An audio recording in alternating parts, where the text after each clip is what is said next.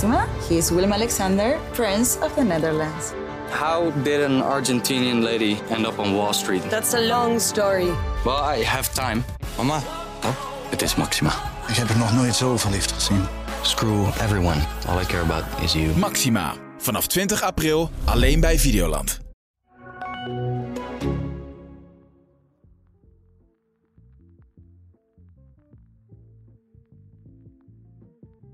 Bij weer een nieuwe aflevering van Zij Zegt, mijn wekelijkse podcast voor het AD in de regiotitels. Ik ben Debbie Gerritsen en deze week schreef ik mijn column over abortussen en over het afschaffen van de vijf dagen verplichte bedenktijd bij abortus. Deze week debatteerde de Tweede Kamer opnieuw uh, over het afschaffen van die regel, over die verplichte bedenktijd. Want ja, op zich is er natuurlijk niks mis met een bedenktijd, maar wel dat die verplicht is. Um, dat is nogal betuttelend en ouderwets. Uit onderzoek blijkt ook dat vrouwen en artsen prima zonder zo'n verplichte termijn uh, in staat zijn om hun eigen keuzes te maken. Er is goede hoop dat deze uh, regel na 40 jaar strijd uit de wet gaat verdwijnen. Maar uh, we zijn er nog niet, want abortus staat bizar genoeg nog altijd in het wetboek van strafrecht. Volgens de wet moet een vrouw in een noodsituatie verkeren, anders is abortus illegaal en zelfs strafbaar. Abortus is dus helemaal geen recht, maar een uitzondering op de regel. In de praktijk worden die uitzonderingen gelukkig zeer ruim geïnterpreteerd, maar ja, de anti-abortus-lobby is ook steeds sterker aan het worden, steeds luider aan het worden. En je moet er toch serieus niet aan denken dat conservatieve partijen daarmee aan de haal gaan of pro-life partijen uh, in clubjes. Enfin, in deze podcast praat ik met Corine Ellemeet van uh, GroenLinks. Zij is een van de initiatiefnemers van het wetsvoorstel voor de afschaffing van de vijf dagen verplichte bedenktijd. Ja, en hopelijk zijn er nog wat nieuwe voorstellen in de maak. Laten we het aan de vragen. Hi Corine, wat fijn dat ik jou eventjes mag spreken op jouw ongelofelijke drukke dag en weken. Ik kan me zo voorstellen.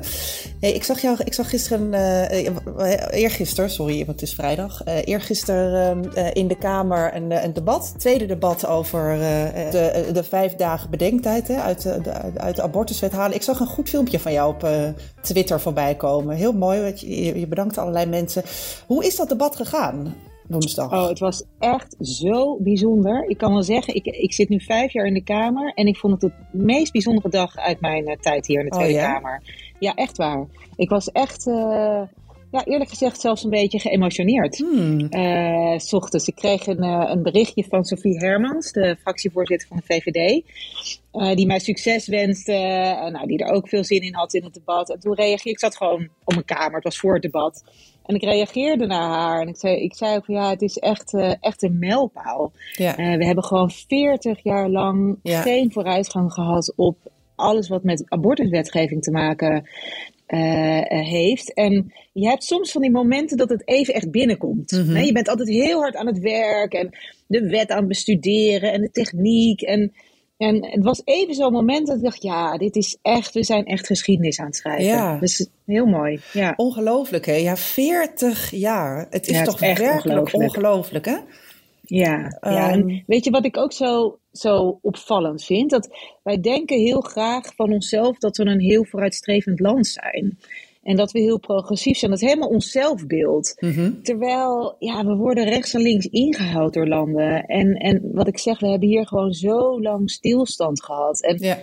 ja, dat is helemaal gek als je weet dat er gewoon in de samenleving eh, nou, heel veel eh, mannen en vrouwen zijn die altijd lang vragen om verandering. Dus Ja. in die samenleving was het wel, maar de politiek hield het eigenlijk tegen. Ja, en ehm, maar, wat is dan het verschil geweest? Want de afgelopen jaren is het gewoon tegengehouden. We zitten nu eigenlijk in hetzelfde, dezelfde kabinetssamenstelling. wat, wat is dan nu het verschil geweest? Ja, je ziet wat je zegt, het is heel lang tegengehouden. En dat had er vaak mee te maken dat er ook eh, christelijke partijen in een coalitie zaten. Dat was ook de afgelopen vier jaar zo natuurlijk, met het CDA en de ChristenUnie. Nu hebben we toch weer diezelfde vier partijen. En ehm, ja, ik denk wat je, wat je kan zeggen is. eh, al deze partijen hebben beloofd dat er nieuw elan, dat is het woord dat Mark Rutte net het gaat, komt nieuw elan en nou, we gaan het allemaal anders doen. En, en een belangrijk onderdeel van dat nieuwe elan zou dan zijn dat de Tweede Kamer ook meer ja, positie krijgt, eigenlijk meer macht. Dus Mhm. dat niet alles wordt beslist door het kabinet, maar dat de Tweede Kamer en ook de partijen die ook in het kabinet zitten, maar in de Tweede Kamer, meer vrijheid krijgen. Dus Ja. meer zelf eh, kunnen beslissen. En zeker natuurlijk ook over zoiets. Ja, dat raakt gewoon aan. Dat Ja. is zoiets persoonlijks, Ja. weet je. Dus het, het is nogal wat om op te leggen aan mensen. Je moet tegenstemmen.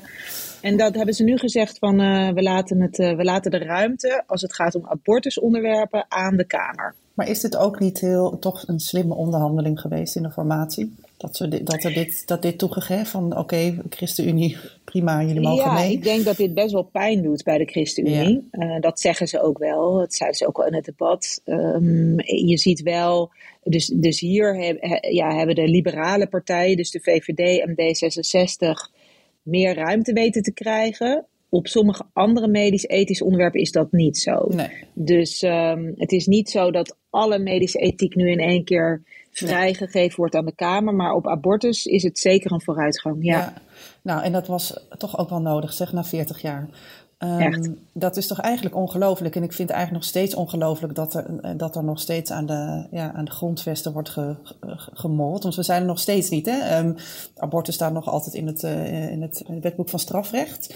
Ehm, hoe, hoe kijk jij daar naar? Eh, de, de, dus de wet zegt nu eigenlijk, eh, het moet een noodsituatie zijn. Nu wordt er natuurlijk wel een soort van de nood, de noodsituatie, eh, daar wordt wel heel ruim naar gekeken. Maar hoe, hoe, hoe kijk je daarnaar? Nou, ik, ik vind dat niet goed. Dat het abortus nog steeds onderdeel uitmaakt van het wetboek van strafrecht.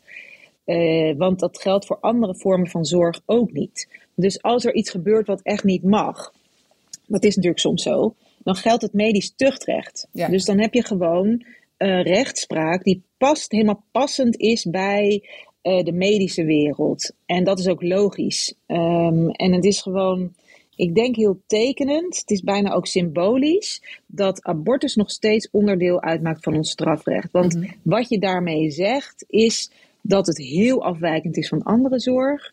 ehm, dat het een beetje in het verdomhoekje zit. Je ziet ook dat de abortusklinieken bijvoorbeeld anders gefinancierd worden dan normale zorg. Dus alles is anders aan abortus Ja, dus- vergeleken met andere zorg. En in de praktijk eh, heeft dat het wetboek van strafrecht niet zoveel invloed. Maar het, het gaat voor mij vooral om wat je ermee zegt. Ja, ja. ja want, het, het is eigenlijk mag het niet. Hè? Eigenlijk zeggen we het mag niet, maar oké, vooruit onder een, onder een aantal eh, eh, voorwaarden wel. Is dat niet nog een veel groter issue dan die vijf dagen bedenktijd? Hè, want het, is, het, het, het wordt ook een beetje. Er zit een heel groot schuldgevoel bij, eh, eh, wordt hier neergelegd bij vrouwen, omdat het in het, in het eh, wetboek van strafrecht staat. Is het, is het voor jou een groter issue? Wat, ga, wat gaan jullie daaraan doen? Of, of, of is het nog niet Ja, in. zeker. Wat je hoort is de bel. Ik zit hier in de Oh. Tweede Kamer. En s ochtends vroeg gaat altijd de bel als zeg maar de Kamerdag begint. Oh, wat leuk. het- Nou, we zijn Ja. erbij. We zijn er gewoon bij. ja je bent, zit helemaal in de Tweede Kamer. ja, wat heerlijk. ja, ja, ja. Maar eh, ik vind het zeker een, een heel groot issue. En wij hebben ook bijvoorbeeld in ons verkiezingsprogramma staan dat wij eh, daar echt wat aan willen doen. Dat het gewoon niet passend is om het in het wetboek van strafrecht te hebben. Maar heel eerlijk gezegd, er zijn nog wel meer dingen die anders moeten Ja. aan, eh, aan abortus. Dus we hebben nu die bedenktermijn. Ja, Ook, ook die is echt wel belangrijk hoor. Ja. Dus, eh, want ook daar gaat een soort eh, symboliek van uit. Van de vrouw kan niet zelfstandig beslissen. En we moeten haar vijf dagen bedenktijd opleggen. Alsof vrouwen niet al hebben nagedacht. Dus ja. ik vind dat ook iets heel wezenlijks. Dan heb je nog ehm, het feit dat het nu niet mogelijk is om een abortuspil bij je huisarts te halen. Nou, eh, dat is ook een, een wetsvoorstel wat ik heb geschreven, wat we ook binnenkort gaan behandelen. Maar zeker ook dat wetboek van strafrecht. ehm daarvan denk ik dat moeten we anders doen. Ik moet je zeggen dat ehm, ik nog niet heel snel zie dat we daar een meerderheid voor krijgen in de Tweede Kamer. Als je al ziet hoe moeilijk het ligt, die bedenktijd bij de christelijke partijen. Dus ik ben wel, eh, ja, ja ik, ik zie dat niet heel snel gebeuren, maar dat neemt niet weg dat, dat wij dat heel belangrijk vinden en zullen blijven proberen om dat, ehm, eh, om dat voor elkaar te krijgen, zeker. Ja. Waarom is het zo belangrijk dat die vijf dagen bedenktijd, verplichte bedenktijdregel wordt geschrapt? Waarom is dat nou zo'n issue eigenlijk? Ja, het, het is echt best een heel groot issue, die, die vijf eh, verplichte dagen bedenktijd. Omdat heel veel vrouwen, echt het merendeel van de vrouwen die kiest voor een abortus, die heeft daar zelf wel goed over nagedacht. En die weet heel zeker dat ze een abortus willen. En dan komen ze bij die abortuskliniek. En dan moeten ze nog eens verplicht vijf dagen nadenken. Terwijl ze hebben al nagedacht. Dus het hele idee dat je pas begint met nadenken op het moment dat je een gesprek met een abortusarts hebt, dat slaat natuurlijk nergens op. En dus het is, het is echt um, ja, betuttelend naar vrouwen toe. Ik vind het heel beledigend eigenlijk zelfs. Mhm. Alsof vrouwen niet uh, zelf goed kunnen nadenken en zelf een beslissing kunnen nemen. Dus dat idee, um, nou, daar heb ik gewoon heel veel moeite mee. En heel veel vrouwen hebben daar moeite mee. Uh, en uh, het, het, heeft ook helemaal niks te maken met een zorgvuldig besluit nemen. Want natuurlijk vinden we het allemaal belangrijk dat je een zorgvuldig besluit neemt over een abortus. Maar dat doen vrouwen. Het is niet zo dat vrouwen lichtzinnig beslissen: oh, laat ik maar even een abortus doen. Alsof je even een ijsje gaat kopen of zo. Dus, nee. dus zo werkt het niet. En natuurlijk kan je zeggen: er zijn vrouwen die twijfelen en dat is ook helemaal niet erg. En als je twijfelt, dan neem je meer tijd met de arts. Maar waar het ons om gaat, is dat je gewoon moet kijken wat de individuele vrouw nodig heeft. En dat, dat, dat zij dat samen met uh, de abortusarts beslist. En dat je dus niet kan zeggen, we leggen sowieso standaard die vijf dagen uh, bedenktijd op. En het, voor sommige vrouwen is het ook echt, dat, dat blijkt ook uit onderzoek, um, houden ze daar gewoon uh, stress aan over. En ook bijvoorbeeld um, fysieke ongemak. Mm. Dus als jij uh, heel misselijk bent en je voelt je heel slecht. Ik heb wel eens een verhaal ook gehoord van een jonge vrouw die uh, midden in haar eindexamen zat. En voor haar, God telde op, op dat moment iedere dag. Ze wist heel zeker dat ze geen kind wilde. En dan moest ze midden in die, in die eindexamensperiode, moest ze dan nog vijf dagen wachten. Uh, wat heel veel stress opleverde. Dus ja, het is, het is um, uh, het is echt heel goed uh, ja, omdat er, als we ja, deze, om, om dit eruit te halen. Ja, het is dus betuttelend, maar het is dus ook gevaarlijk uh, en hinderlijk. Ja. Ja. En nu is het natuurlijk het tegengeluid, hè, want die hebben we ook. Van joh, ja, maar er worden heel veel vrouwen hebben, moeten dit onder dwang, wordt onder dwang een abortus afgedwongen. vanuit huis of vanuit vrienden, vanuit een partner. En daarmee is deze verplichte bedenktijd een bescherming. Wat wat is daar, snijdt dat hout? Nee. Um, uh, ten eerste denk ik om goed om nog een keer te zeggen dat de meeste vrouwen heel goed weten wat ze willen. Ja. Want je hoort ook aan de tegenkamp is het net alsof bij iedere vrouw een versprake is van dwang. Uh, dat is natuurlijk niet zo. Daarmee zeg ik niet dat dat niet voorkomt. Dat komt wel voor. En daarom hebben we ook heel zorgvuldige zorgverlening. Dus um, die abortusartsen die dit proces ingaan met zo'n vrouw, die zijn er helemaal toe opgeleid. Uh, om ook bijvoorbeeld stress bij een vrouw te signaleren of dwang. Um, er is een richtlijn, dus de manier waarop ze moeten werken. Dat is heel uitgebreid beschreven, ook weer op basis van allemaal onderzoek, waarin helemaal uitgebreid ingegaan wordt op welke stappen een abortusarts moet zetten. Dus als er sprake is van dwang of als een arts dat vermoedt, dan zal een arts nooit overhaast overgaan tot een abortus. Dus dan neemt een arts sowieso meer tijd. Want eigenlijk de belangrijkste verantwoordelijkheid en de belangrijkste taak van een abortusarts is om zeker te weten dat de vrouw zelfstandig en wel overwogen haar eigen keuze heeft gemaakt. Dat is de allerbelangrijkste taak van een abortusarts in dat hele proces. Ja, ja. Dus een abortusarts zal nooit, uh, als er vermoeden is van dwang, overgaan tot een abortus. Nee. dat, dat, staat dus helemaal los van die verplichte vijf dagen. Ja, en het is ook zo hè, dat als jij een abortus uh, ondergaat, dat je alleen daar bent, toch? Het is, uh, dat is ook een. Um je, nou, je gaat niet met je partner naar binnen of je gaat. Je, nee, dat mag alleen? wel, maar er moet altijd een moment zijn uh, dat een vrouw alleen is met ja. een abortusarts. Dus ja. het kan best zo zijn, bedoel, dat kan ik me bijvoorbeeld ook voorstellen, hè, dat je graag je partner erbij wil hebben. Als je gewoon een heel harmonieuze relatie ja, hebt, en je, dan kan dat een steun zijn. Maar er is altijd een moment dat een arts alleen is met die vrouw, uh, zodat nou ja, je zeker weet dat zo'n vrouw vrijheid kan spreken. Ja, ja. Wat mij echt uh, net even bleef hangen, is dat ik het zo bizar vind dat, dat er geen enkele medische ingreep in het wetboek van strafrecht staat, behalve abortus. Hè? Um, ja, hoe groot is de kans dat we dat er nog uitkrijgen? Ik ben het helemaal met je eens. Ik vind het ook bizar. Uh, want we doen daarmee alsof abortuszorg heel iets anders is dan normale zorg. Uh, voor normale zorg heb je het medisch tuchtrecht. Dus kan je inderdaad, uh, als er iets helemaal misgaat, of als een arts over de schreef gaat, nou ja, heb je allerlei instrumenten om in te grijpen en om te straffen, om het zo maar te zeggen. En voor, abortusarts, eh, voor abortuszorg zeggen we dat moet in het wetboek van strafrecht. Um, en daarmee geef je een heel verkeerd signaal af. Alsof het eigenlijk iets is wat echt niet mag. Uh, het roept ook uh, weer helemaal het beeld op dat je in het geheim, bij wijze van spreken, naar een kliniek moet. En dat die artsen iets doen wat eigenlijk niet deugt. Dus er, er hangt een soort zweem omheen van iets wat niet oké okay is. Ja. Wat niet mag. Um, dus Wat dat, op zich ook zo is, want het staat in de wet dat het eigenlijk ja. mag. Ja. ja, dan is die uitzondering daar. Ja. Dus nou ja, ik, ik pleit er ook al lang voor om het ook uit het wetboek van straf, uh, strafrecht te halen. Dat is bijvoorbeeld in Canada is dat al gebeurd. Okay. En, in, en in België ook. Daar hebben ze een aparte okay. strafwet gemaakt. Dus daar is het uit het wetboek van strafrecht gehaald. Dus je ziet wel uh, landen stappen zetten. Um, ik ben wel bang dat als ik al zie hoe nou ja, laat ik zeggen, het was een respectvol debat hoor over die bedenktermijn. Dus, uh, maar toch hoe moeizaam dat al gaat. En dat is ook een belangrijke stap. Ja, ik denk echt uh, een meerderheid in de Tweede Kamer krijgen voor het uit het wetboek van strafrecht halen.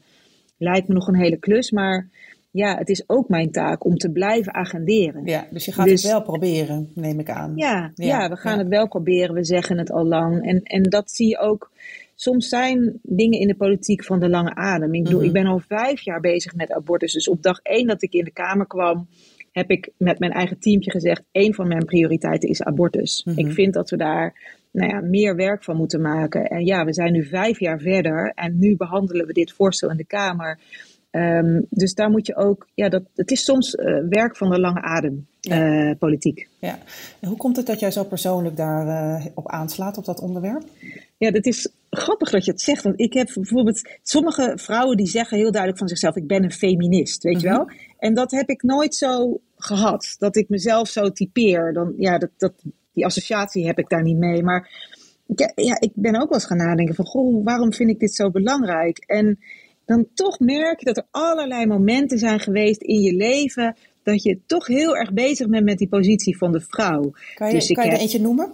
Ja, zeker. Dus ik heb um, bijvoorbeeld mijn uh, scriptie geschreven van mijn studie over de vrouwbeelden van een schrijver uit de 19e eeuw. Mm-hmm. Um, en uh, nou, dus dat vond ik toen al heel interessant, omdat hij, uh, heel, Conrad Busquet heet die schrijver, die was dan heel kritisch uh, op de positie van de vrouw. En ze was ondergeschikt. En in al zijn zeg maar, nee. artikelen die hij schreef. Maar dan in zijn eigen boeken, want hij schreef ook romans. Mm-hmm. Was hij eigenlijk heel erg gefascineerd door alle verschillende kanten van de vrouw. Dus dan zag je al dat er heel veel tegenstrijdigheid zat in zo'n man. Over hoe hij over de vrouw dacht. Mm-hmm. Ook een beetje bang eigenlijk voor vrouwen. Zo'n man uit de 19e eeuw, heel typisch. Die van we moeten ze klein houden.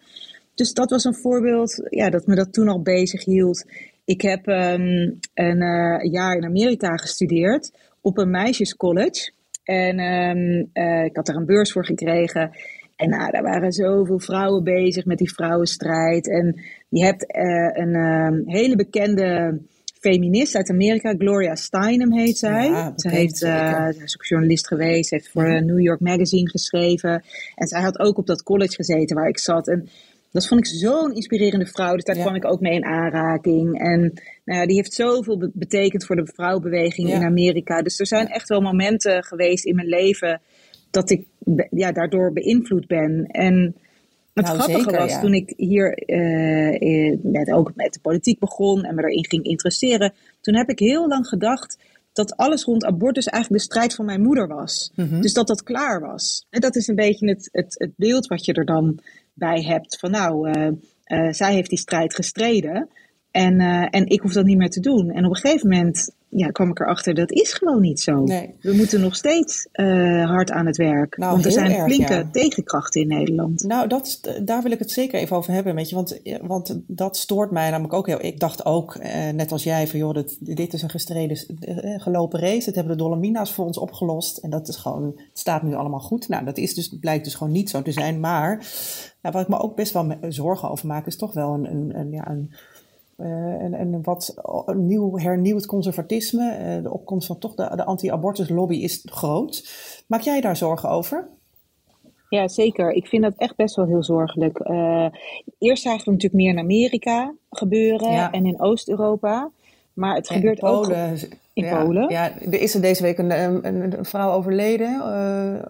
Een verschrikkelijk verhaal. Vreselijk. Die, die, die, zij mocht geen abortus uh, plegen, maar ze had dus wel twee dode foetussen in haar, uh, in haar baarmoeder. Uh, ja, ze is er zelf aan, ja, aan overleden. Het is echt, het is zo verschrikkelijk. En ik vind het ja, ik, ik onbegrijpelijk dat, dat, hè, dat er mensen zijn die, of dat er pro-life, de pro-life en anti-abortus lobby zo groot is. Maar sorry, ik onderbrak je. Nee, maar je hebt helemaal gelijk. Het is, het is echt afschuwelijk uh, mm. dat dit weer gebeurt. En je denkt dus van, oh, het was de strijd van mijn moeder van de vorige generatie en we kunnen het laten. Maar we kunnen het niet laten, want het gaat weer de verkeerde kant op. En wat je ook ziet bij, in Nederland, bijvoorbeeld bij Forum voor Democratie, die ook hele nou ja, heftige dingen zeggen. Van uh, een vrouw moet verplicht, als ze abortus zou willen, de echo zien. En dat is niet haar keuze. En ook weer heel veel dwang op die vrouw. Het is, het is gewoon vrouwenhaat. Ja, het is een heftig woord, maar dat is wel wat het is. En wat je ziet, ik ben er even ingedoken. Ik denk, hoe komen ze daar nou bij, weet je, met zo'n mhm. echo? En dit is gewoon letterlijk copy-paste van het beleid van Trump en van Steve oh. Bannon. Dus wat, je, wat zij in Amerika hebben opgezet is, als je in Amerika abortus googelt, dan kom je als eerste op geboortecentra. Dus dan ga je als vrouw heel onweten, hè, weet jij wil, je gaat naar zo'n geboortecentrum. En die geboortecentra, dat zijn initiatieven van die conservatieve beweging. En die doen alles om jou af te leiden, zeg maar, van abortus. Dus je krijgt mhm. alleen maar te horen wat de opties zijn om je kind te houden. En daar zit bijvoorbeeld ook die verplicht naar echo's kijken, is ook een initiatief daarvan. Dus Forum kopieert gewoon letterlijk wat in die extreem rechts-conservatieve hoek in Amerika gebeurt.